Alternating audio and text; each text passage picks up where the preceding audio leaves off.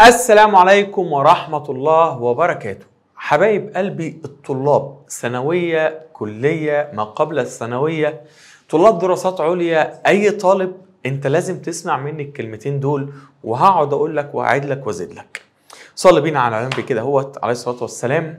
حضرتك دلوقتي عاوز أقول لك كام نقطة عشان تبقى السنة بتاعتك سنة سعيدة عليك بمناسبة بداية العام الدراسي. نقطة رقم واحد أهم حاجة تحرك أي حد واحد فينا إن يبقى عندك هدف، هو أنت بتعمل ده ليه؟ أنت لو عندك هدف الهدف ده عامل زي البنزين بتاعك في العربية. يعني إيه عندك هدف يبقى زي البنزين بتاعك في العربية؟ لا مش هقول لك دلوقتي هقولها لك لوحدها في فيديو لوحدها عشان دي حاجة صعبة جدا ولازم نتكلم إزاي تعمل الهدف وإزاي الهدف بتاعك ده يبقى يستاهل ولا ما يستاهلش. فيها تفاصيل كتير قوي بس رقم واحد خلي فيه هدف قدامك أنا عاوز مثلا أرضي أهلي عاوز أجيب المجموع الفلاني عاوز أدخل الكلية الفلانية عشان تبقى أنت بتعمل اللي أنت بتعمله والتعب اللي أنت بتتعبه ده لهدف قدام هتشتغل عليه إن شاء الله. النقطة الثانية يا معلم تديش ثانوية عامة لو أنت في ثانوية عامة أكبر من حجمها. هي سنة زي اللي فاتوا سنة زي اللي هيجوا. محتوى دراسي عليه امتحانات هتمتحن هتطلع منها على خير. طلعت منها على كلية إيه دي حياة جديدة وانت هتثبت نفسك في أي مجال انت كنت فيه. انت عديت على فكرة بأكتر بكتير من الثانوية العامة. راجع كده حياتك هتلاقي إن عدت عليك محن وابتلاءات وامتحانات كانت صعبة كتير أكتر من امتحان الثانوية العامة. فخدها بصدر رحب تعامل معاها بجدية بس مش لدرجة إنك تقعد تتعب كل يوم نروح نجيبك من المستشفى أنت وهي مش هينفع الكلام ده خالص تالت حاجة ودي أهم حاجة ممكن تساعدك السنة دي إنك تعدي على خير تنظيمنا للوقت بقى يا معلم. بص يا ريس بص يا رئيسة تنظيم الوقت. على مستوى العالم في علماء كتير اتكلمت عن تنظيم الوقت، تعال أقول لك أشهر طرق تنظيم الوقت. أول طريقة معانا في تنظيم الوقت هنا هوت طريقة عمك العالم ستيفن كوفي. يا عم كوفي إيه مشكلتك في تنظيم الوقت؟ عمك كوفي ده بيقول لك لو عندنا برطمان كبير والبرطمان الكبير ده مطلوب مننا نحط فيه صخر كبير وطوب صغير ورمل. لو بدأت بالرمل بعدين الطوب بعدين جيت تدخل الصخر مش هتلاقي له مكان. بس لو رصيت الصخر الأول اللي هو الحاجة الكبيرة التقيلة بعدين في الفراغات ما بين كل صخرة كبيرة والتانية رصيت الطوب الصغير هيبقى في فراغات أصغر تعرف تدخل جواها الرمل البسيط خالص. يعني الراجل عاوز يقول لنا بالبلدي كده هو عندك ثلاث حاجات حاجة بسيطة حاجة صعبة حاجة أصعب ابدأ بالأصعب. هتلاقي نفسك بتحط حاجات أسهل في النص حاجات أسهل في الآخر. دي الخلاصة بتاعت عمك إيه؟ الحاج ستيفن كوفي. طب عشان نرتب أولوياتنا قال لك أنت تعمل جدول صغير كده هوت مثلا جدول للمواد بتاعتك جدول للي مطلوب منك على مدار الأسبوع. مطلوب مني أقسم الحاجة لمهم وغير مهم مستعجل وغير مستعجل. ممكن يبقى في حاجة عندي مهمة ومستعجلة يبقى دي الأولوية. ممكن يبقى في حاجة عندي مش مهمة بس مستعجلة دي أولوية تانية. ممكن يبقى في عندي حاجة مهمة بس مش مستعجلة وحاجة تانية مش مهمة ومش مستعجلة. حضرتك ابدأ بمين؟ المهم والمستعجل وبعدين بالتبعية رتب أولوياتك. خلص المستعجل بعدين اللي مش مستعجل. طيب عندنا أسلوب تاني؟ آه عندنا أسلوب تاني. في نظرات تانية. في نظرية زي نظرية العالم اللي اسمه باريتو. باريتو ده بيقول لك نظرية 20 80 باريتو دوت عمل إيه؟ قال لك إحنا لاحظنا كده إن لو جينا على خلية من خلايا النحل 20% من النحل اللي موجود يقدر يقوم ب 80% من الإنتاج لوحده أصلا لو ركز. قاس ده على كل حاجة في حياته لأن لو بتركيز بسيط 20% من تركيزك تعمل 80% من مجهودك. حياتنا دايما ضايعة على الفاضي. إحنا وإحنا شغالين بنذاكر تلاقي نفسك لا اراديا. همسك الموبايل أشوف الساعة كام؟ الساعة كام فتحت إن في notifications مين اللي رن؟ مين اللي بعت message طب أرد عليه وأرجع أكمل مذاكرة؟ هتلاقي إن إحنا بنقضي وقت كتير قوي على إنتاجية قليلة قوي. في حين إنك لو شلت من قدامك أي حاجة بتشتتك هتلاقي إن ب 20% من المجهود اللي إنت كنت بتعمله قبل كده يطلع لنا 80% من الإنتاج. نظرية حد تاني يا عم الحاج اسمه باركنسون. عمك باركنسون دوت بيقول لك إيه؟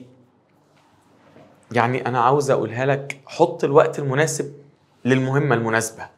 ما تديش وقت أقل لمهمة كبيرة ولا وقت كبير لمهمة أقل.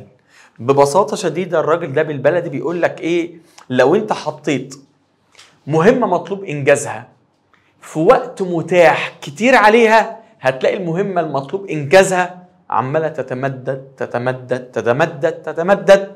وهتخلص في وقت ممكن يكون أكبر من الوقت اللي كان متاح ليها.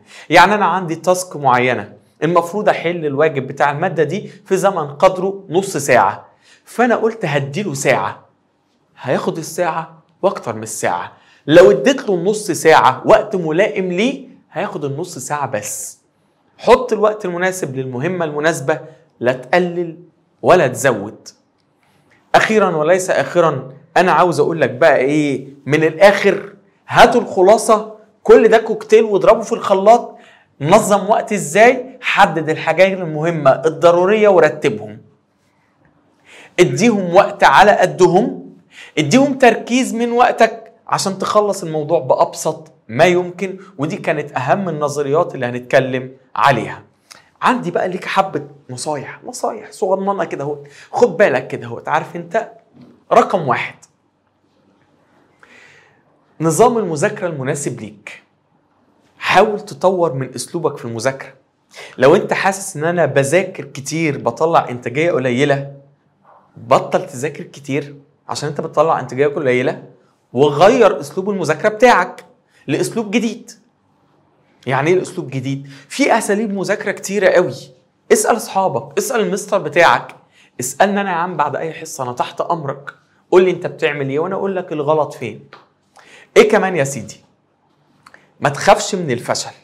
لو أنت درجاتك وحشة وعمال تجيب درجات وحشة درجات وحشة درجات وحشة ما تقولش أنا فاشل. خلي ده دافع.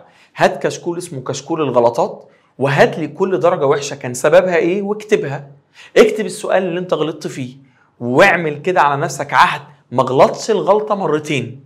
كشكول الغلطات ده كل ما هيتملي كل ما رصيد الحاجات اللي كان ممكن تغلط فيها تاني قل إن شاء الله. ما تخافش إنك تجيب درجة وحشة خاف إنك تجرر الدرجة الوحشة في نفس السؤال في نفس السبب تاني. ما تعديش سؤال غلط إلا لما تتعلم الصح بتاعه. إيه كمان يا سيدي الفاضل؟ ما تحطش نفسك في مقارنة مع حد. في زميلي أشطر مني بيذاكر في وقت أقل مني أنا أشطر منه في حاجات تاني.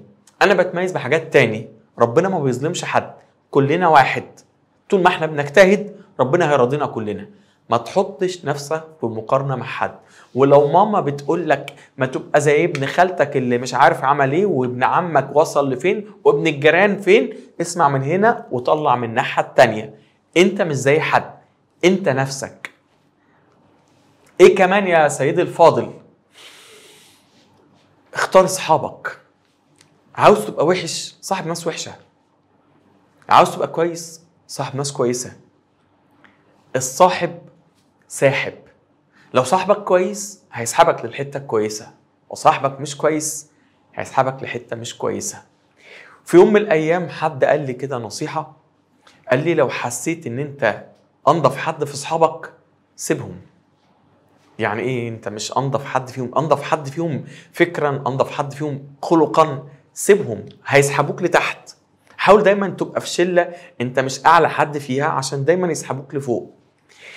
ما علينا. كافئ نفسك اعمل لنفسك مكافئات يعني إيه أعمل لنفسي مكافئات يعني أنا مثلا ذاكرت الأسبوع ده كويس. آخر الأسبوع هسرق من على إيجي بيست فيلم كويس وهتفرج عليه.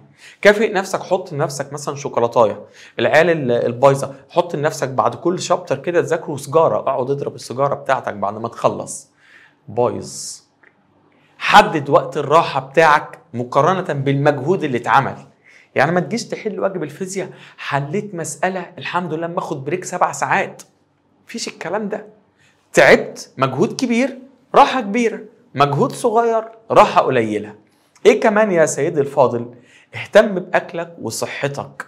يعني ما تقعدش ترمي نفسك في أكل الشوارع طول الليل والنهار. مضطر ماشي. مش مضطر. معلش روح كل أكل الحاجة عشان إيه؟ الذاكرة تفضل fresh كده وتبقى قوي.